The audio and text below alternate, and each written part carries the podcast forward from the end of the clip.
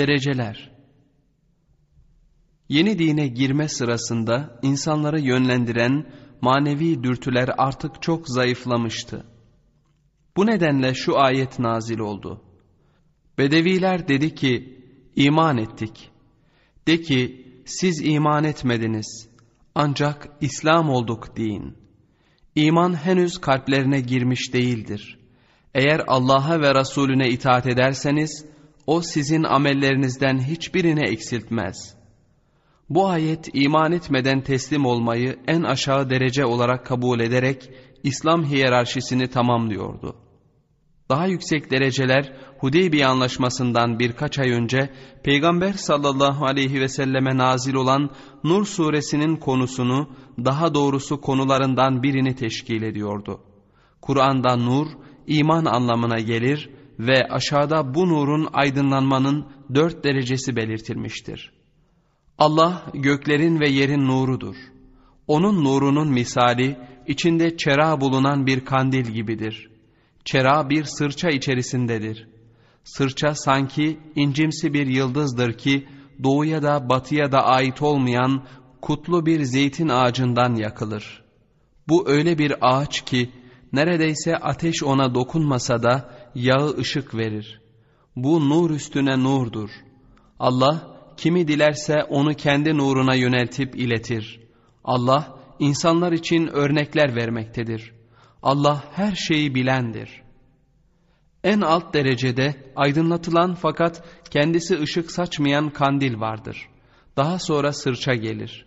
Onun üstünde de kutlu zeytin ağacı yer alır. Bu sembollerin anılması insana Allah insanlara örnekler verir diye başlayan ve sebebini belirterek belki düşünürler diye biten başka ayetleri hatırlatıyor. Nur ayetinin tümü insanı düşünmeye çağırır.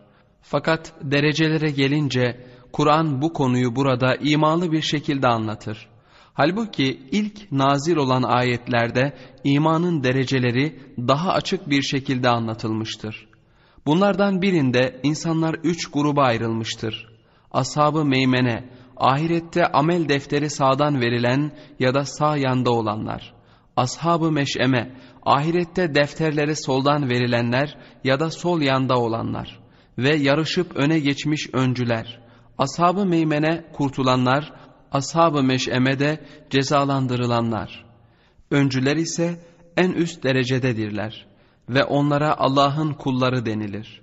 Baş melekleri diğer meleklerden ayırmak için kullanılan Allah'a yaklaştırılmış mukarrebun deyimi bunlar için kullanılır.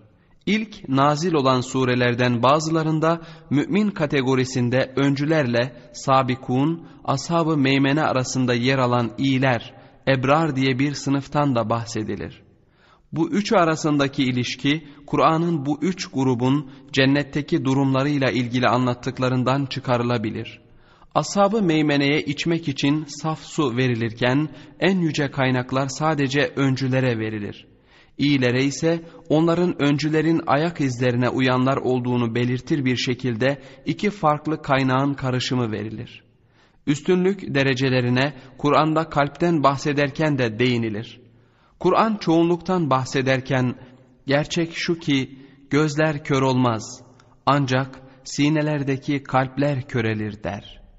Diğer taraftan Peygamber sallallahu aleyhi ve sellem tüm diğer peygamberler gibi kalbinin devamlı uyanık olduğunu yani kalp gözünün açık olduğunu söylemiştir. Kur'an bunun belli ölçülerde başkaları tarafından da paylaşılabileceğini belirtir. Çünkü bazen sadece temiz akıl sahiplerine ülül elbab hitap eder. Peygamber sallallahu aleyhi ve sellemin Ebu Bekir radıyallahu an hakkında şöyle söylediği rivayet edilir. O sizi çok oruç tutmakla ve çok namaz kılmakla geçmedi. Fakat o sizi kalbinde sabit olan bir şey sayesinde geçti. Peygamber sallallahu aleyhi ve sellem sık sık asaptan bazılarının diğerlerinden üstün olduğunu belirtirdi. Mekke'deki fethi sırasında Peygamber sallallahu aleyhi ve sellemin yanında Halid radıyallahu an kendisini azarlayan Abdurrahman İbni Avf'a sinirlenip karşı çıkınca Peygamber sallallahu aleyhi ve sellem arkadaşlarıma ashabıma nazik davran Halid Çünkü senin Uhud dağı büyüklüğünde altının olsa ve bunu Allah yolunda harcasan yine de arkadaşlarımdan hiçbirinin faziletine ulaşamazsın dedi. Kur'an'a göre bir derece ile diğeri arasındaki fark ahirette bu dünyadakilerden daha büyüktür. Onlardan bir kısmını bir kısmına nasıl üstün tuttuğumuzu gör. Muhakkak ahiret dereceler bakımından daha büyüktür. Üstünlük bakımından da daha büyüktür.'' Peygamber sallallahu aleyhi ve sellem de şöyle demiştir. Cennet ehli kendi üstlerindeki yüce yerin şimdi en parlak gezegeni doğu veya batı ufkunda gördükleri yükseklik kadar yukarıda olduğunu görecekler. İnsanlar arasındaki eşitsizlikler onun öğretme şekline de yansımıştır. Öğrettiklerinin bazılarını sadece anlayabileceklerini umduğu belirli bazı kişilere hasretmiştir. Ebu Hureyre radıyallahu an hafızama Resulullah sallallahu aleyhi ve sellem'den öğrendiğim iki tür bilgi depoladım. Bir kısmını açıkladım. Eğer diğer kısmını da açıklarsam bu gırtlağı kesersiniz diyerek boğazına işaret etmiştir. Mekke ve Huneyn boğaz eğer işaret etmişti. Bu sırasında Peygamber aleyhissalatü vesselam arkadaşlarından bazılarına küçük cihattan büyük cihada dönüyoruz dedi.'' İçlerinden biri ey Allah'ın Resulü büyük cihat nedir diye sorunca nefse karşı cihat cevabını verdi. İnsan nefsi iki bölüme ayrılmıştır. Onun aşağı bölümü hakkında Kur'an gerçekten nefis var gücüyle kötülüğü emredendir der. Şuurda denen iyi bölümüne de kendini kınayıp duran nefis adını verir. İşte alçak nefse karşı ruhun yardımıyla cihadı yüklenen bu kısımdır. En sonunda da savaşı sona ermiş ve artık içinde bir ayrılık taşımayan, mutmain, tatmin olmuş nefis vardır.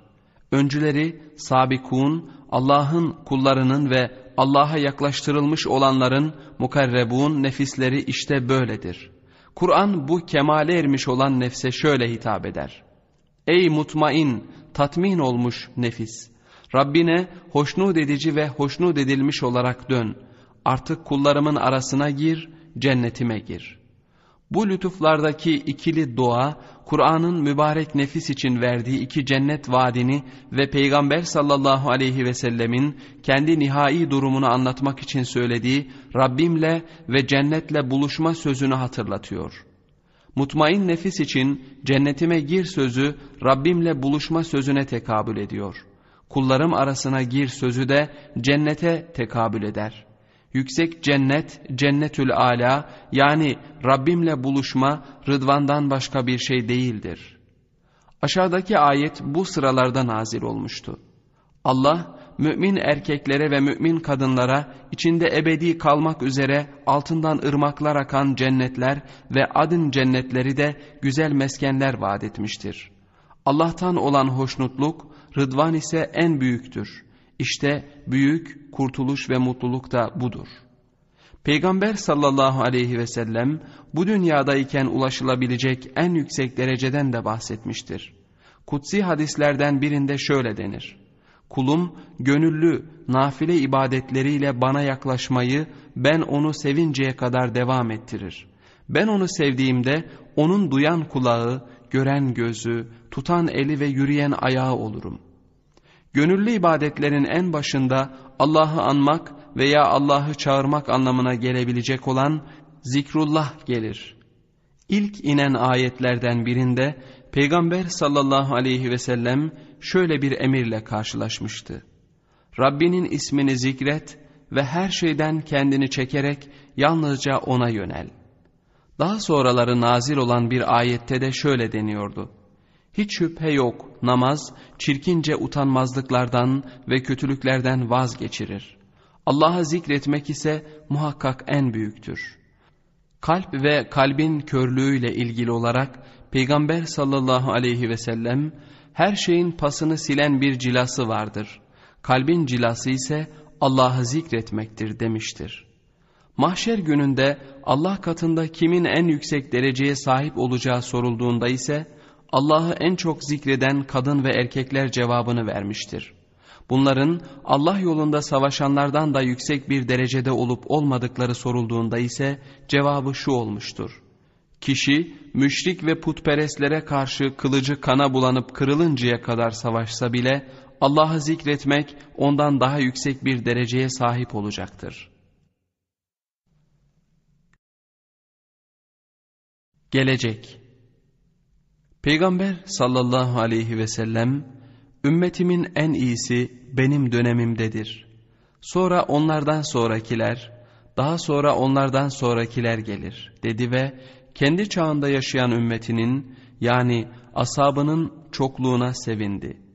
Bir keresinde asabından on kişiye uğradı ve onları cennetle müjdeledi.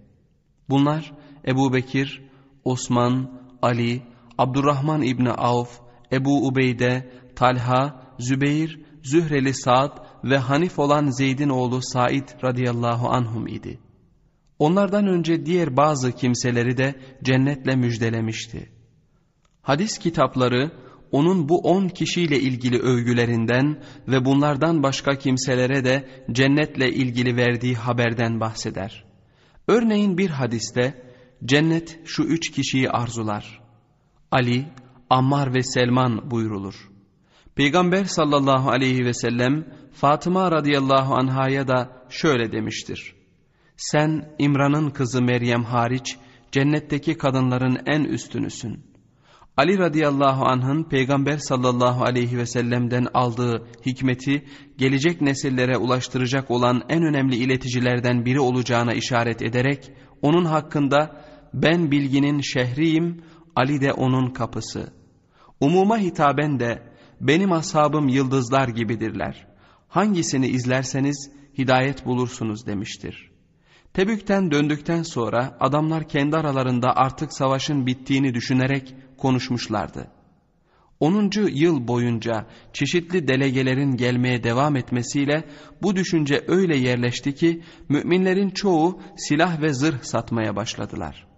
Fakat Peygamber sallallahu aleyhi ve sellem bunu duyunca böyle yapmalarını yasakladı ve ümmetimden bir bölümü Deccal gelinceye kadar hak için savaşmaya devam edecek dedi. Bunun yanı sıra eğer benim bildiklerimi bilseydiniz az güler çok ağlardınız ve kendisinden sonra daha kötüsü gelmeyecek olan hiçbir zaman olmaz da demiştir. O insanları ümmetinin bozulma sonucunda Hristiyan ve Yahudileri izlemeye başlayacağını söyleyerek uyarmıştır. Siz onları adım adım zira zira izleyeceksiniz. Öyle ki eğer onlar zehirli bir kertenkele çukuruna girseler siz yine onların peşinden gideceksiniz.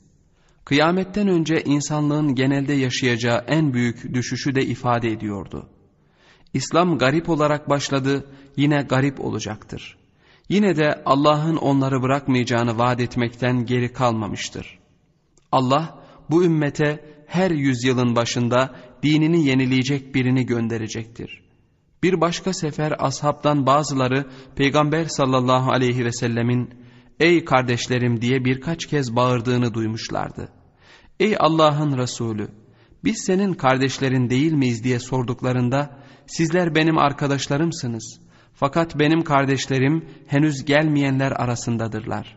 Başka rivayetlerde de son günlerde gelecek olanlardır cevabını vermiştir. Konuşma tarzı büyük derecede manevi öneme sahip olan kişilerden bahsettiğini gösteriyordu. Son günlerin çok kötü olmasına rağmen o günlerde doğru yolu bulmuş anlamına gelen Mehdi adında bir halifenin çıkacağını da haber vermiştir. Mehdi benim ümmetimden çıkacak geniş alınlı ve uzun burunlu olacak. Daha önceden kötülük ve zulümle dolu olan dünyayı doğruluk ve adaletle dolduracak. Yedi yıl hükmedecek. En sonunda Mehdi'den sonra veya onun hükmünün son yıllarında Deccal gelecek. Sağ gözü üzüm gibi tüm ışığı gitmiş kör bir adam. Yeryüzünde büyük tahribat yapacak ve anlattığı yalanlarla daha da çok insanı kendi tarafına çekecek. Fakat ona karşı savaşan bir grup mümin bulunacak.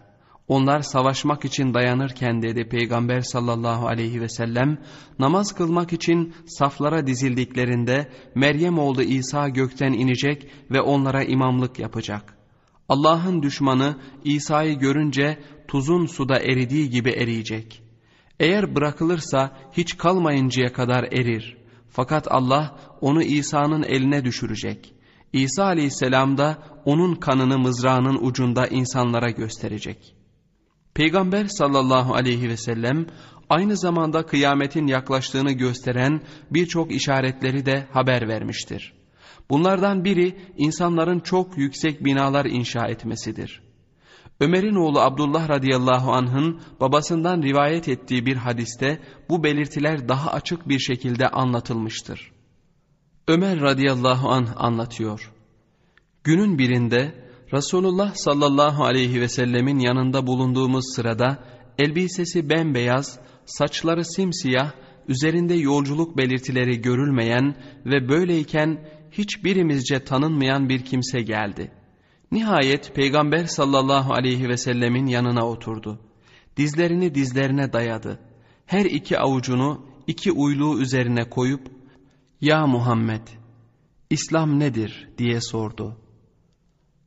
Muhammed sallallahu aleyhi ve sellemin Allah'ın Resulü olduğuna şehadet etmen, namazı dosdoğru kılman, zekatı vermen, Ramazanda oruç tutman ve yoluna gücün yeterse beyti hac etmendir dedi. Ve iman nedir dedi. Resulullah sallallahu aleyhi ve sellem Allah'a, meleklerine, kitaplarına, peygamberlerine, ahiret gününe iman etmendir. Bir de hayır ve şer kadere iman etmendir dedi. O doğru söylüyorsun dedi. Ve ihsan nedir diye sordu. Resulullah sallallahu aleyhi ve sellem Allah'a sanki görüyormuş gibi ibadet etmendir. Çünkü sen onu görmüyorsan da o seni görüyor dedi. O yine doğru söylüyorsun dedi ve saati, kıyameti ve ne zaman kopacağını bana haber ver diye devam etti.'' Resulullah sallallahu aleyhi ve sellem bu konuda sorulanın sorandan daha fazla bilgisi yoktur diye cevap verdi. O öyleyse belirtilerini, emarelerini bildir dedi. Resulullah sallallahu aleyhi ve sellem cevap vererek cariyenin kendi sahibini doğurması ve yalın ayak, sırtı çıplak, fakir koyun çobanlarının hangimizin kurduğu bina daha yüksek diye yarışa çıktıklarını görmendir dedi.''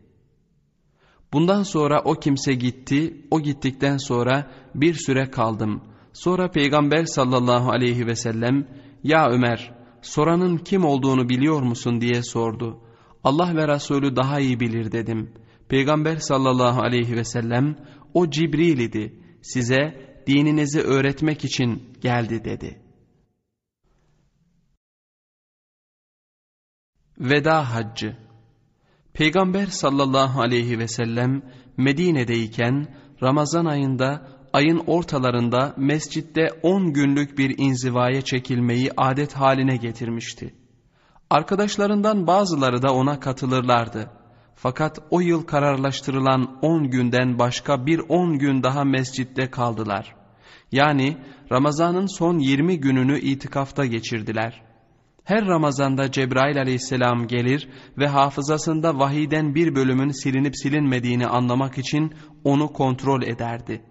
Bu yıl Peygamber sallallahu aleyhi ve sellem Fatıma radıyallahu anhaya gizlice henüz başkalarına söylenmemesi gereken bir sır verdi. Her yıl bir kez Cebrail bana Kur'an'ı okur, ben de ona okurum. Fakat bu yıl bana iki kez okudu. Zamanımın geldiğini düşünüyorum.'' Şevval ayı geçti. Yılın 11. ayında Medine'de hacda Peygamber sallallahu aleyhi ve sellemin önderlik edeceği haberi yayıldı. Bu haberler çöl kabilelerine de ulaştırıldı ve her adımında Peygamber sallallahu aleyhi ve sellemle olmak için vahaya her taraftan akın akın insanlar gelmeye başladı. Bu hac yüzyıllardan beri yapılan hacılara hiç benzemeyecekti. Hacıların tümü bir tek Allah'a inanan kimseler olarak ve hiçbir putperest putperestçe ibadetleriyle kutsal evi kirletmeyecekti. Ayın sona ermesine beş gün kala Peygamber sallallahu aleyhi ve sellem 30 bin kadın ve erkeğin başında Medine'den yola çıktı. Peygamber sallallahu aleyhi ve sellemin hanımlarının hepsi Abdurrahman İbni Avf radıyallahu anh ve Osman İbni Affan radıyallahu anh tarafından verilen develerin üstündeydi. Ebu Bekir radıyallahu anh'ın yanında hanımı Esma radıyallahu anha da vardı. İlk konaklardan birinde Esma Muhammed adını verdikleri bir erkek çocuk doğurdu. Ebu Bekir radıyallahu anh onu Medine'ye geri göndermek istiyordu. Fakat Peygamber sallallahu aleyhi ve sellem ona hanımına gusül abdesti almasını, hac için niyet etmesini söyledikten sonra birlikte planladığı şekilde hacca gitmelerini söyledi. Medine'den ayrılışın 10. gününün akşamı Peygamber sallallahu aleyhi ve sellem Mekke'yi fethetmeye giderken geçtikleri bir geçide ulaştı. Orada bir gece geçirdikten sonra ertesi sabah vadiye inmeye başladılar. Peygamber sallallahu aleyhi ve sellem Kabe'yi gördüğünde devesinin ipini sol eline alarak sağ elini yukarı kaldırıp açtı ve dua etti. Allah'ım bu evin insanlardan gördüğü saygı, lütuf, bağlılık ve rahmeti artır. Mescide girdi, tavaf ettikten sonra İbrahim makamında namaz kıldı. Daha sonra Safa'ya giderek Safa ile Merve arasında yedi kez gidip geldi.'' Yanındakiler her yerde yaptığı duaların tam sözlerini hafızalarında saklamak için çaba sarf ediyorlardı. Daha sonra mescide girerek önce de olduğu gibi anahtarlarını koruyan Abdüddar'dan Osman radıyallahu anh'ı ve Üsame radıyallahu anh ile Bilal radıyallahu anh'ı yanına alarak Kabe'ye girdi.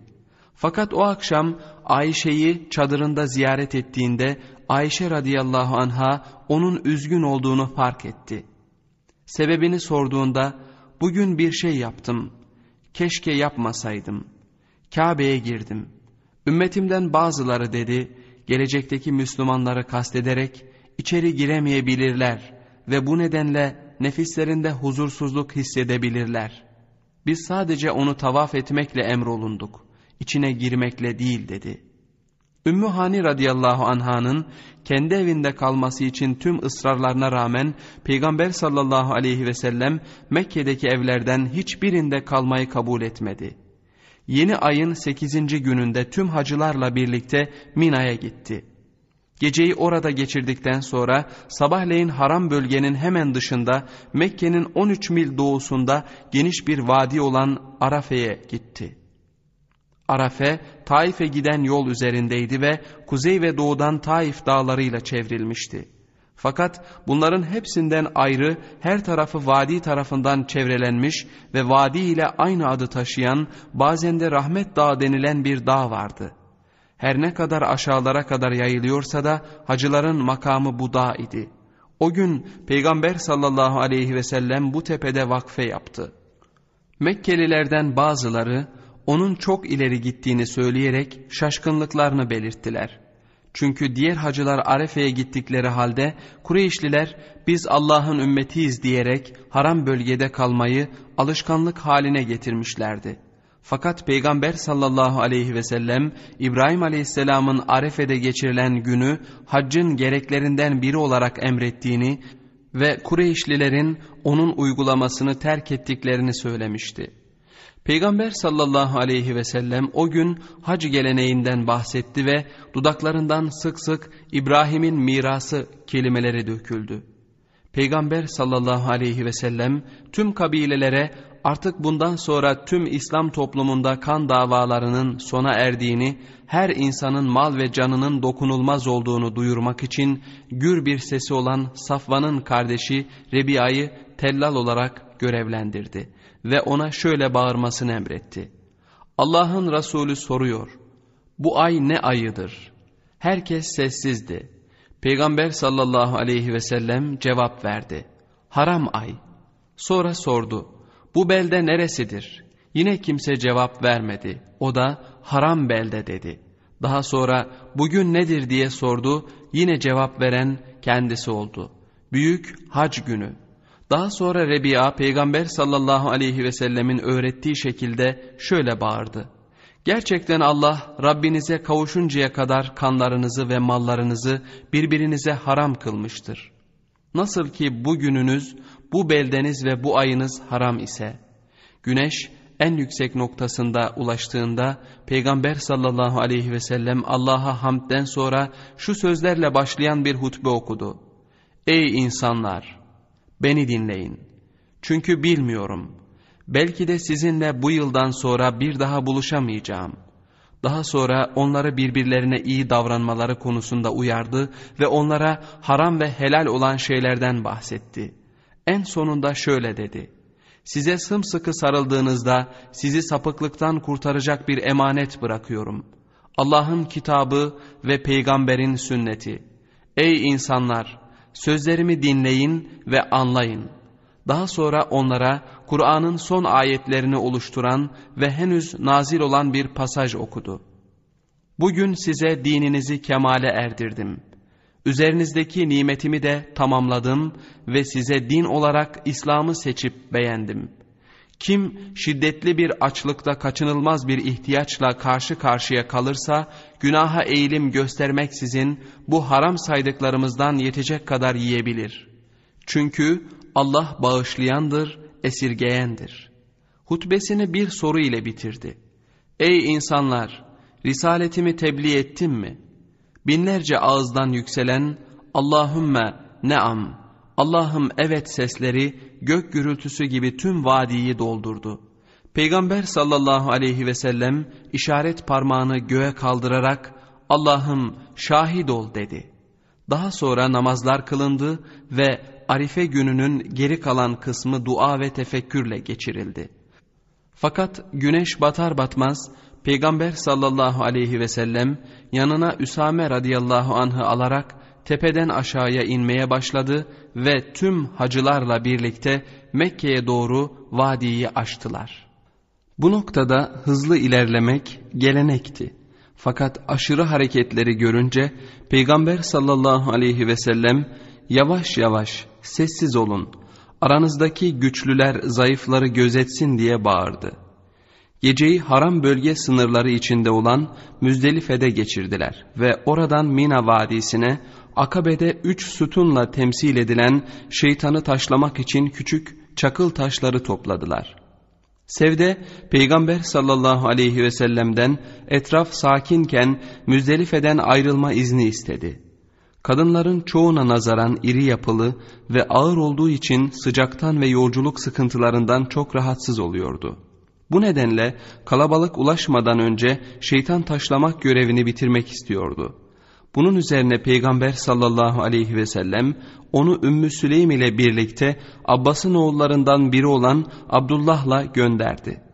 Peygamber sallallahu aleyhi ve sellem kendisi sabah namazını Müzdelife'de kıldı ve daha sonra arkasında deve sırtında yol alan Fazıl olduğu halde hacıları Akabe'ye götürdü.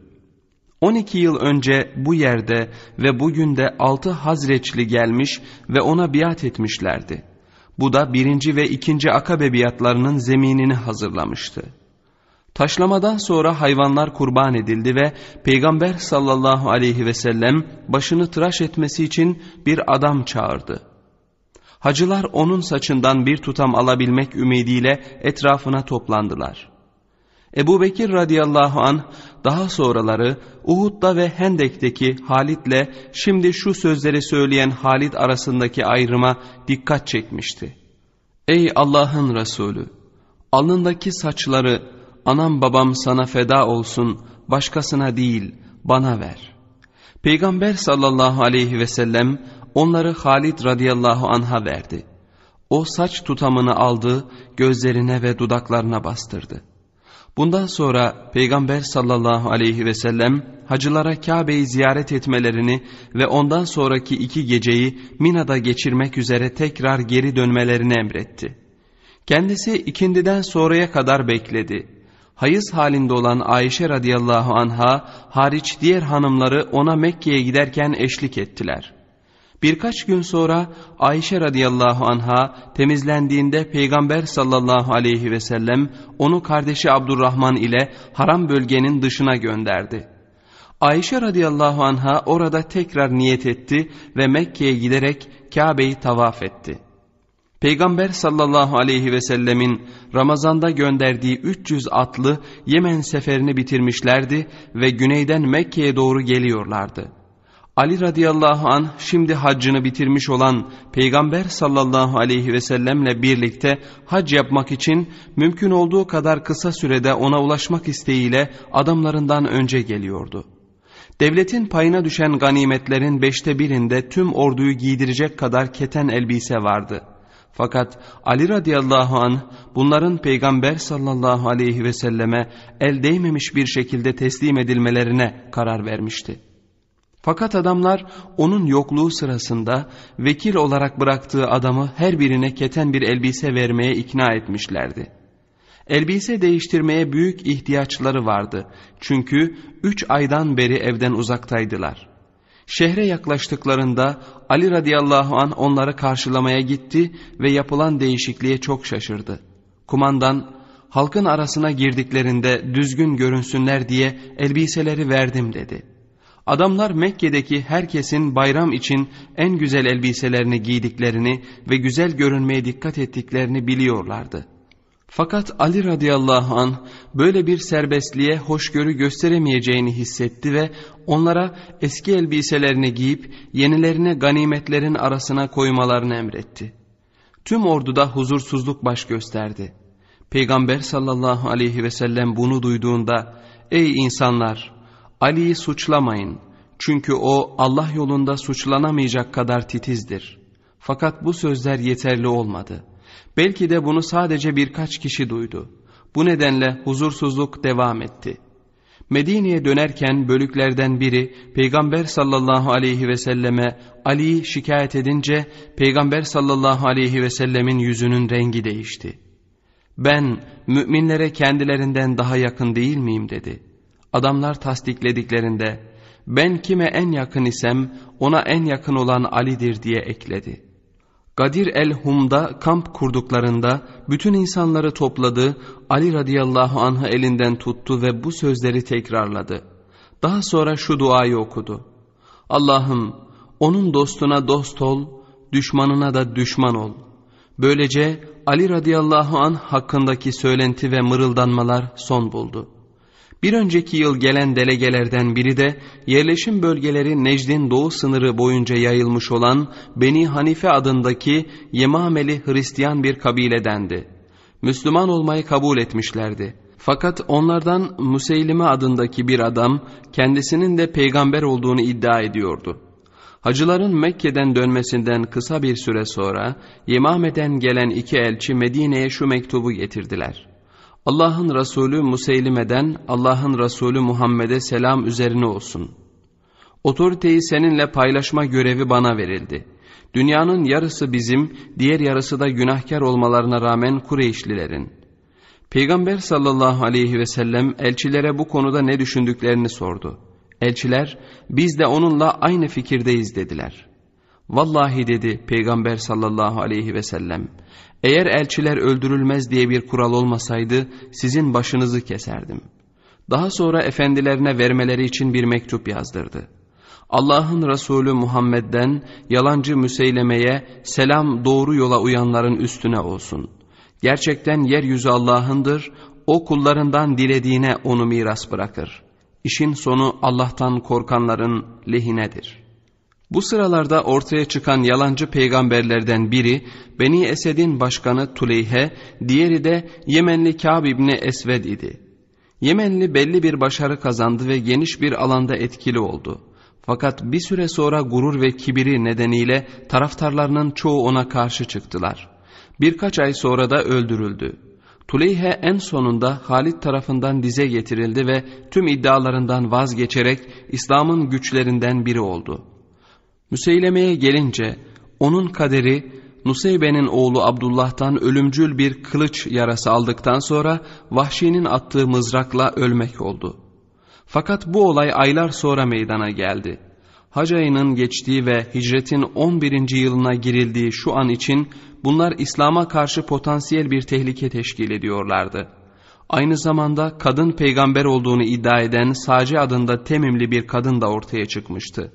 Fakat Peygamber sallallahu aleyhi ve sellem bunlara karşı ani bir girişimde bulunmak istemiyordu. Onun dikkati kuzeyde yoğunlaşmıştı. Yılın ikinci ayı olan Safer'in son günlerinde yani milattan sonra 632 yılının Mayıs ayı sonlarında Mute'deki yenilginin karşılığının verilmesi zamanının geldiğine karar verdi. Zeyd ve Cafer'in öldürüldüğü gün imparatorluk lejyonlarının tarafını tutan Suriyeli Arap kabilelerin üzerine bir sefer düzenlemek için hazırlıklara başlanmasını emrettikten sonra gençliğine rağmen 3000 kişilik orduya kumanda etme görevini Zeyd'in oğlu Üsame'ye verdi. Seçim Peygamber sallallahu aleyhi ve sellem sürekli cenneti, tasvir ettiği şeyi sanki görüyormuş gibi anlatırdı. Bu izlenim başka işaretlerle de desteklenirdi. Örneğin bir keresinde elini sanki bir şey alıyormuş gibi uzattı ve tekrar geri çekti. Hiçbir şey söylemedi. Fakat etrafında onun bu hareketine dikkat edenler sordular. Cenneti gördüm diye cevap verdi. Ve üzümlerinden bir salkım alabilmek için uzandım. Eğer onu alabilseydim dünya durdukça onu yerdiniz. Çevresindekiler Peygamber sallallahu aleyhi ve sellemin bir bakıma ahirette olduğu fikrine alışmışlardı. Belki de bu nedenle kendi ölümünden bahsettiği veya burada olduğu gibi her an ölebileceğini ima ettiği zamanlar sözleri onlar üzerinde fazla etkili olmuyordu. Bunun yanı sıra 63 yaşında olmasına rağmen hala genç bir adamın incelik ve vücut yapısına sahipti. Gözleri hala ışıl ışıldı ve siyah saçlarında çok az beyazlık vardı. Yine de bir keresinde hanımları ile beraberken yakında öleceğine değinmesi, onların kendi aralarından ilk önce kimin ona kavuşacağı sorusunu yöneltmelerine neden oldu. Peygamber sallallahu aleyhi ve sellem en uzağa erişebilen bana ilk önce kavuşacak diye cevap verdi. Bunun üzerine hangisinin kolunun daha uzun olduğunu anlamak için kollarını ölçmeye başladılar. Kaynaklara kaydedilmemesine rağmen tahminen karşılaştırmayı kazanan diğerlerine nazaran boyu en uzun olan Sevde radıyallahu anha idi. Diğer taraftan Zeynep radıyallahu anha minyon tipli bir kadındı. Kolu da boyuna göreydi. Fakat bu olaydan yaklaşık 10 yıl sonra içlerinden ilk ölen Zeynep oldu. İşte o zaman Peygamber sallallahu aleyhi ve sellemin en uzağa erişebilen deyimiyle en cömert olanı kastettiğini anladılar. Çünkü Zeynep de kendi adını taşıyan ve fakirlerin annesi diye anılan Peygamber sallallahu aleyhi ve sellemin diğer hanımı gibi çok cömertti. Peygamber aleyhissalatü vesselam Suriye seferi için hazırlıklara başlanmasını emrettikten kısa bir süre sonra ordu ayrılmadan önce bir gece Ebu Müveyhibe adlı azatlı bir kölesini erken saatlerde çağırdı ve mezarlıktakiler için bağışlanma dilemem emredildi. Benimle gel dedi. Birlikte gittiler ve Baki'ye vardıklarında Peygamber sallallahu aleyhi ve sellem ''Ey mezarlık halkı selam üzerinize olsun.'' Halinize sevinin. Durumunuz şimdi yaşayanlardan çok iyi. Kargaşalar en karanlık gecenin dalgaları gibi geliyor. Birbiri arkasına. Her biri bir öncekinden daha kötü dedi. Daha sonra Ebu Müveyhibe'ye döndü ve bana bu dünya hazinelerinin anahtarları ve bu dünyada ölümsüzlük ardından da cennet sunuldu. Bununla Rabbime ve cennete kavuşma arasındaki seçim bana bırakıldı dedi. Ebu Müveyhibe Ey bana anamdan ve babamdan daha sevgili olan! Bu dünya hazinelerinin anahtarlarını ve burada ardından cennet gelen ölümsüzlüğü seç dedi. Fakat Peygamber sallallahu aleyhi ve sellem ona şu cevabı verdi. Ben zaten Rabbime ve cennete kavuşmayı seçtim. Daha sonra bakide yatanlar için bağışlanma diledi. O sabah veya ertesi gün başı o zamana kadar hiç ağrımadığı bir şekilde ağrıdı. Fakat Peygamber sallallahu aleyhi ve sellem yine de mescide gitti. Namazdan sonra minbere çıkıp sonradan anlatılanlara göre sanki son defa yapıyormuş gibi Uhud şehitleri için rahmet diledi. Daha sonra Allah'ın kulları arasında bir kul var ki Allah onu bu dünya ile kendisini seçme konusunda serbest bıraktı. O kul da Allah'ı seçti dedi. Bunları söylediğinde Ebu Bekir radıyallahu an ağlamaya başladı. Çünkü Peygamber sallallahu aleyhi ve sellemin kendisinden bahsettiğini ve seçimin kaçınılmaz ölüm olduğunu biliyordu. Peygamber sallallahu aleyhi ve sellem onun ağladığını görerek ağlamamasını söyledikten sonra ''Ey insanlar! İnsanlar arasında arkadaşlığı ve ihsanı ile bana en lütufkar olan kişi Ebu Bekir'dir.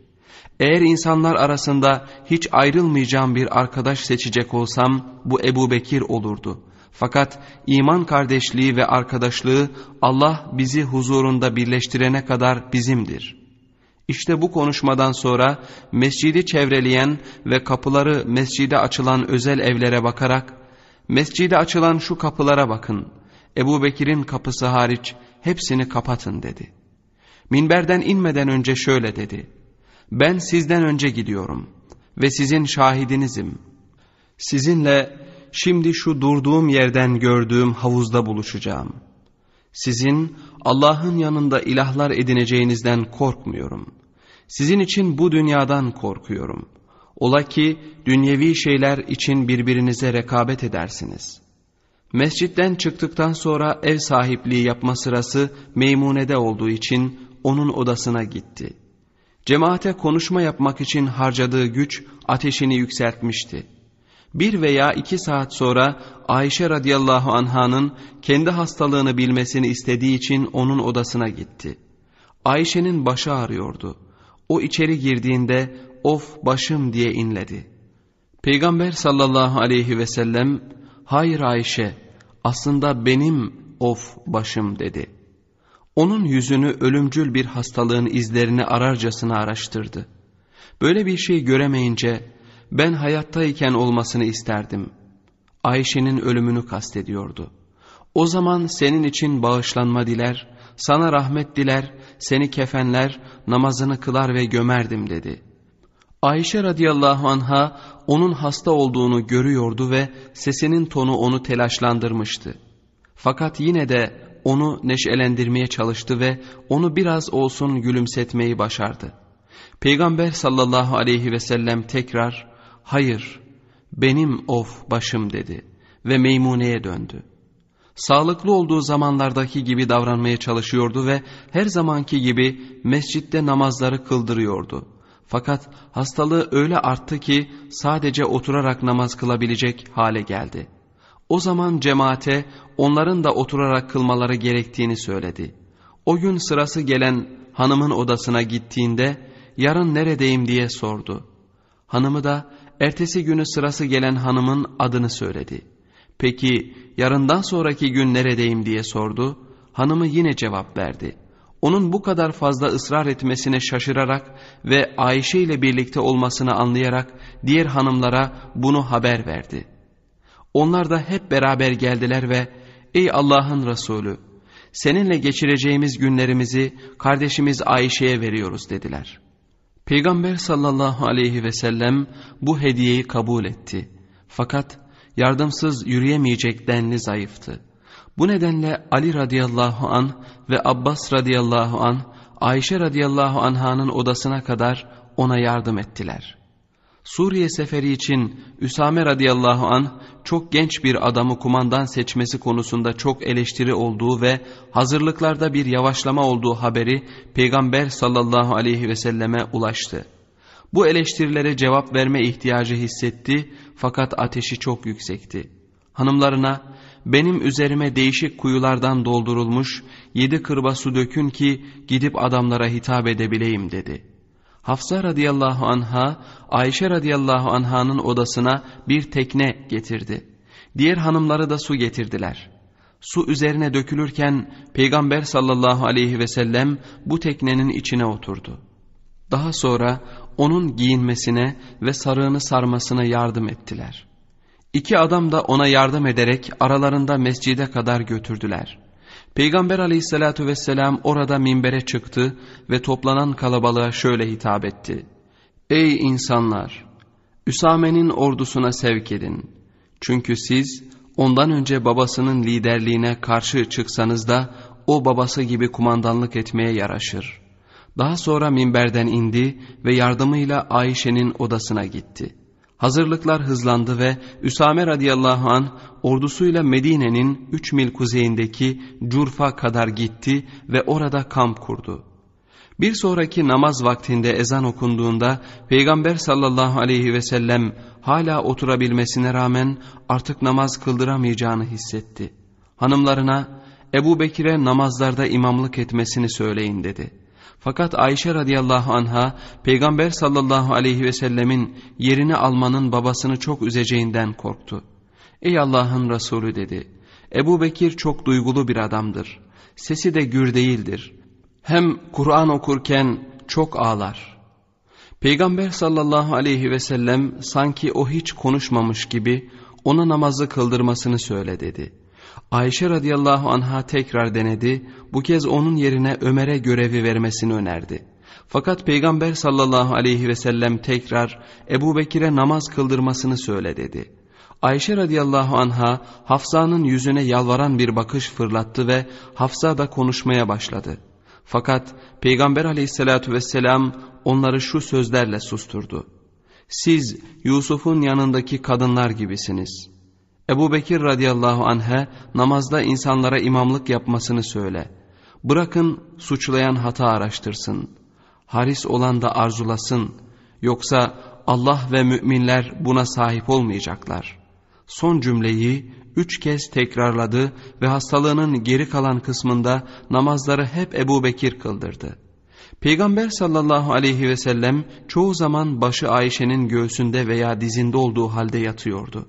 Fakat Fatıma geldiğinde Ayşe baba kızı yalnız bırakıyordu. Bu ziyaretlerden birinde Ayşe onun kızına bir şeyler söylediğini, kızının da bunun üzerine ağlamaya başladığını gördü. Daha sonra ona bir sır daha verdi. Bu kez gözyaşlarının arasında gülümsemeye başladı. O ayrılırken Ayşe radıyallahu anha Peygamber sallallahu aleyhi ve sellemin ne söylediğini sordu. Fakat Fatıma bunun bir sır olduğunu ve kimseye açamayacağını söyledi. Ancak daha sonraları Fatıma ona bu sırrı açıkladı. Peygamber sallallahu aleyhi ve sellem bana bu hastalıktan öleceğini söyledi. Ben de ağladım. Daha sonra baba ev halkından ona ilk kavuşanın ben olacağımı söyledi. Ben de güldüm.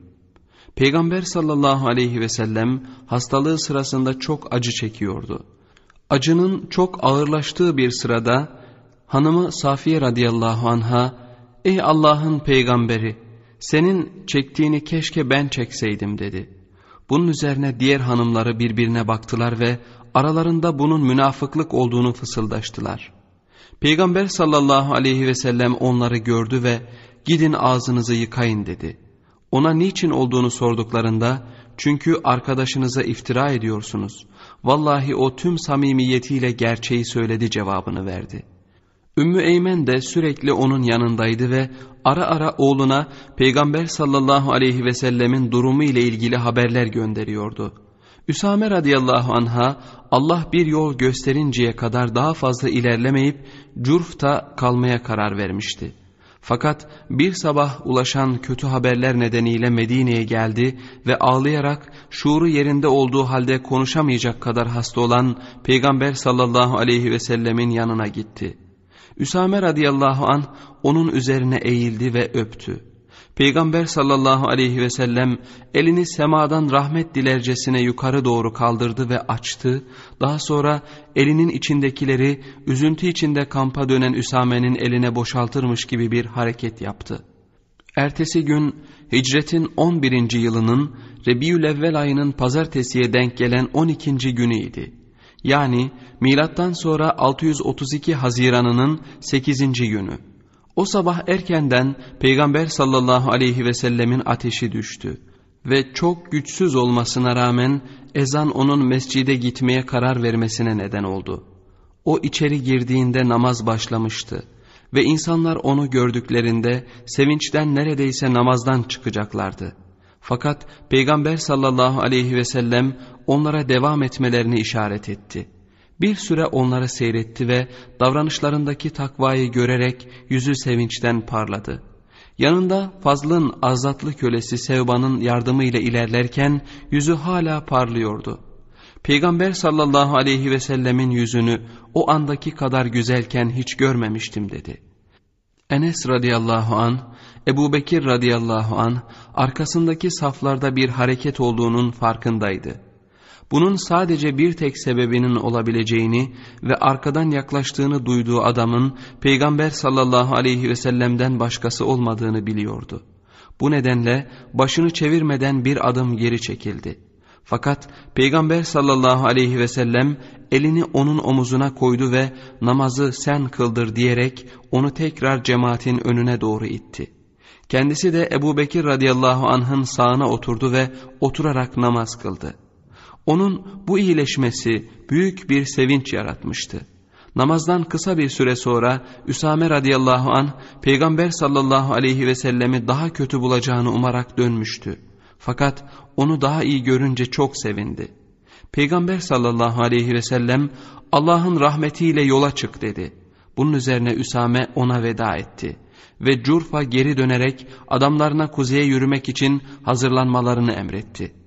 O sırada Ebu Bekir radıyallahu an yukarı Medine'ye doğru yola çıkmıştı. Esma radıyallahu anha ile evlenmeden çok önce Ebu Bekir radıyallahu an 10 yıl önce Vaha'ya geldiğinde yanında kaldığı Hazreçli Harise'nin kızı Habibe ile nişanlanmıştı. Uzun süre nişanlı kaldıktan sonra evlenmişlerdi. Habibe hala Sunh'ta ailesinin yanında kalıyordu. Ebu Bekir radıyallahu anh de onu orada görmeye gidiyordu. Peygamber sallallahu aleyhi ve sellem Fazl radıyallahu an ve Sevban radıyallahu anh'ın yardımıyla Ayşe radıyallahu anh'ın odasına döndü.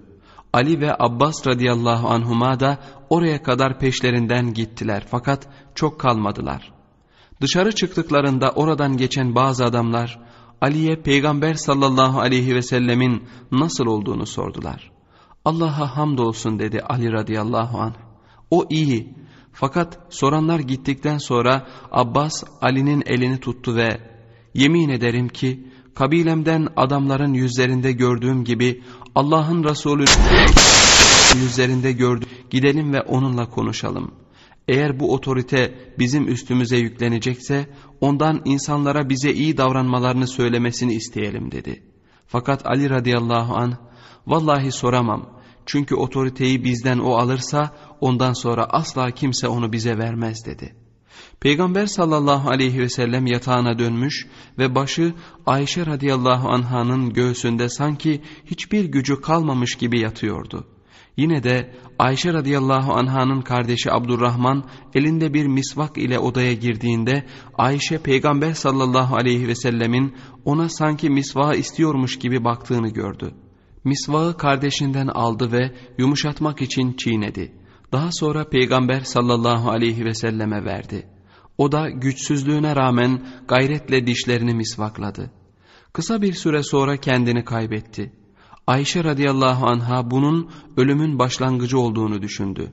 Fakat bir saat sonra Peygamber sallallahu aleyhi ve sellem gözlerini açtı.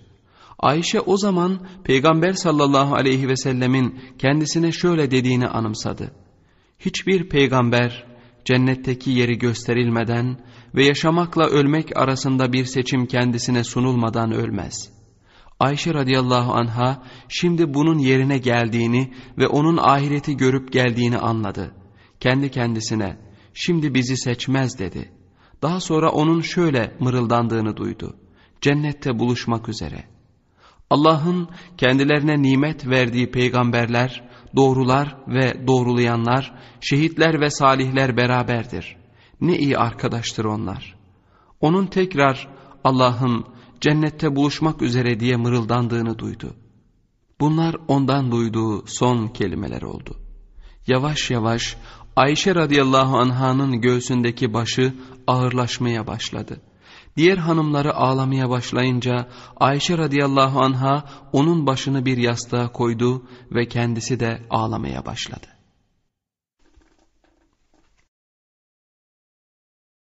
Cenazenin gömülmesi ve hilafet İlk olarak Abbas radıyallahu anh'ın dikkatini çeken belirtileri bir süre sonra diğerleri de fark ettiler. Peygamber sallallahu aleyhi ve sellem daha ölmeden Ümmü Eymen oğluna Peygamber sallallahu aleyhi ve sellemin ölmek üzere olduğunu bildiren bir haber gönderdi. Kuzeye yürümek için kamp zaten kaldırılmıştı. Fakat Üsame radıyallahu an hemen Medine'ye dönme emri verdi. Ömer radıyallahu anh'ın da içlerinde bulunduğu Abbas'tan ilk Müslüman olan birçok kişi ordu ile birlikteydi.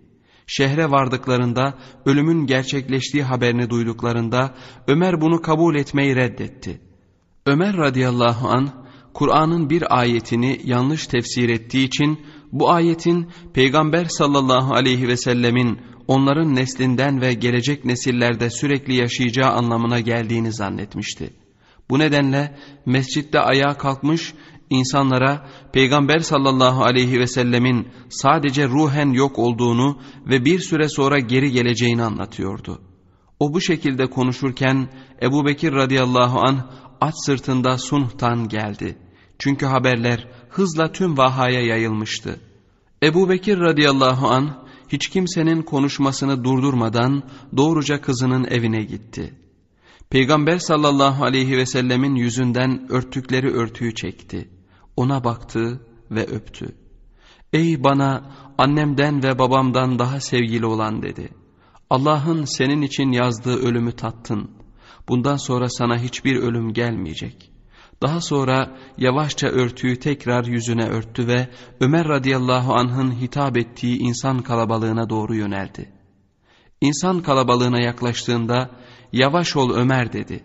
Beni dinle. Ömer radıyallahu anh buna aldırmadı ve devam etti. Fakat Ebu Bekir radıyallahu anh'ın sesini duyanlar Ömer'i bırakıp ne söyleyeceğini duymak için ona döndüler. Ömer radıyallahu anh Allah'a hamd ettikten sonra şöyle dedi. Ey insanlar! Kim Muhammed'e tapıyor idiyse gerçekten Muhammed ölmüştür. Kim de Allah'a tapıyor idiyse gerçekten Allah diridir ve ölmez. Daha sonra Uhud'dan sonra indirilen şu ayeti okudu. Muhammed yalnızca bir peygamberdir. Ondan önce nice peygamberler gelip geçmiştir. Şimdi o ölürse ya da öldürülürse siz topuklarınız üzerinde gerisin geriye mi döneceksiniz?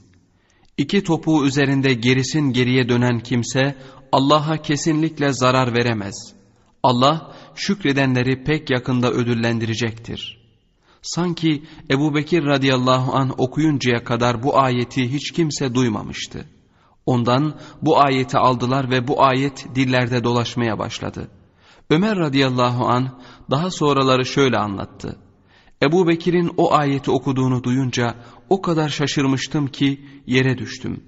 Ayaklarım artık beni taşımıyordu ve Allah'ın Resulü'nün ölmüş olduğunu anlamıştım. Ali radıyallahu an Zübeyir ve Talha ile birlikte evine çekilmişti. Muhacirlerin geri kalan kısmı Ebu Bekir radıyallahu anh'ın etrafında toplanmışlardı. Useyd ve kabilesinden birçok kişi de onlara katılmıştı. Fakat Evisli ve Hazreçli Ensar'ın büyük çoğunluğu Sa'd İbni Ubade radıyallahu anh'ın başkanı bulunduğu Beni Saide'nin toplantı yerinde toplanmıştı.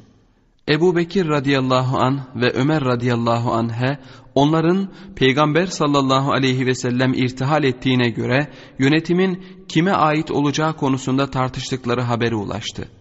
Onun otoritesini memnuniyetle kabul etmişlerdi. Fakat onu kaybettikten sonra çoğu Kayleoğullarının Yesripli bir adamdan başkası tarafından yönetilmemesi gerektiğini düşünüyorlardı. Çoğu Sa'd radıyallahu anh'a biat etmek üzereydi. Ömer radıyallahu an Ebu Bekir'i toplantı yerine kendisiyle beraber gelmesi için zorladı. Ebu Ubeyde radıyallahu anh de onlarla birlikte gitti. Saat hastaydı ve toplantı yerinin ortasında bir örtüye sarılmış yatıyordu. Üç Kureyşli içeri girdiğinde ensardan biri onun adına insanlara hitap etmek üzereydi. Onları görünce Allah'a hamd ettikten sonra konuşmasına onları da dahil ederek başladı. Bizler Allah'ın ensarıyız ve İslam'ın savaşan gücüyüz. Ey muhacirler sizler de bizlerdensiniz. Çünkü sizden bir grup bizim aramızda yaşıyor. Konuşmacı aynı tonda konuşmaya devam etti. Muhacirleri de biraz övmesine rağmen onların ilk İslam toplumu olarak önemlerini göz önünde bulundurmaksızın sürekli ensarı överek göklere çıkarıyordu. O konuşmasını bitirdiğinde Ömer radıyallahu an tam konuşmaya başlamak üzereydi. Fakat Ebu Bekir onu susturdu ve nazikçe fakat kesin bir şekilde konuşmaya başladı. Ensar'ın önemini kaybettiğini söyledi. Fakat İslam'ın Arabistan'da yayıldığını ve Arapların tüm olarak Kureyş'ten başka birinin otoritesini kabul etmeyeceğini, çünkü Kureyş'in tüm Araplar arasında eşsiz bir konumu olduğunu da belirtti. Konuşmasını bitirerek iki adamdan birini öneriyorum. Hangisini dilerseniz ona biat edin dedi. Daha sonra Ensardan biri kalkarak iki otoritenin olması gerektiğini söyledi. Bu ateşli bir tartışmaya yol açtı. Ömer radıyallahu an bu tartışmayı şu sözlerle susturdu. Ey insanlar! Allah'ın Resulü'nün namazlarda imamlık yapma görevini Ebu Bekir'e verdiğini bilmiyor musunuz? Biliyoruz diye cevap verdiler. Ömer, peki aranızda kim onun önüne geçmek istiyor dedi. Allah korusun onun önüne geçmeyiz dediler. Bunun üzerine Ömer radıyallahu an Ebu Bekir radıyallahu anh'ın elini tuttu ve ona biat etti. Arkasından da Ebu Ubeyde radıyallahu an ve diğer muhacirler biat ettiler. Daha sonra Sa'd radıyallahu an hariç orada bulunan ensarın tümü de biat ettiler. Sa'd hiçbir zaman Ebu Bekir radıyallahu anh'ı bir halife olarak kabul etmedi ve Suriye'ye hicret etti.'' Orada ne karar almış olurlarsa olsunlar, Medine'de hiç kimse mescitte o orada olduğu müddetçe Ebu Bekir radıyallahu anh'ın önüne geçmeyi kabul etmezdi.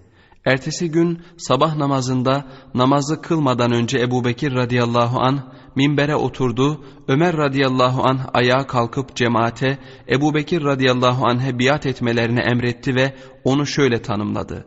Sizin en iyiniz, Allah'ın Resulü'nün arkadaşı, iki mağarada oturduklarında ikinin ikincisi.